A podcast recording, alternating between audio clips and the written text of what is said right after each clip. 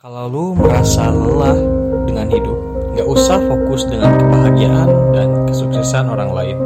Karena lu pun punya kedua hal itu. Hanya saja, lu perlu melihatnya dengan pikiran yang lebih positif.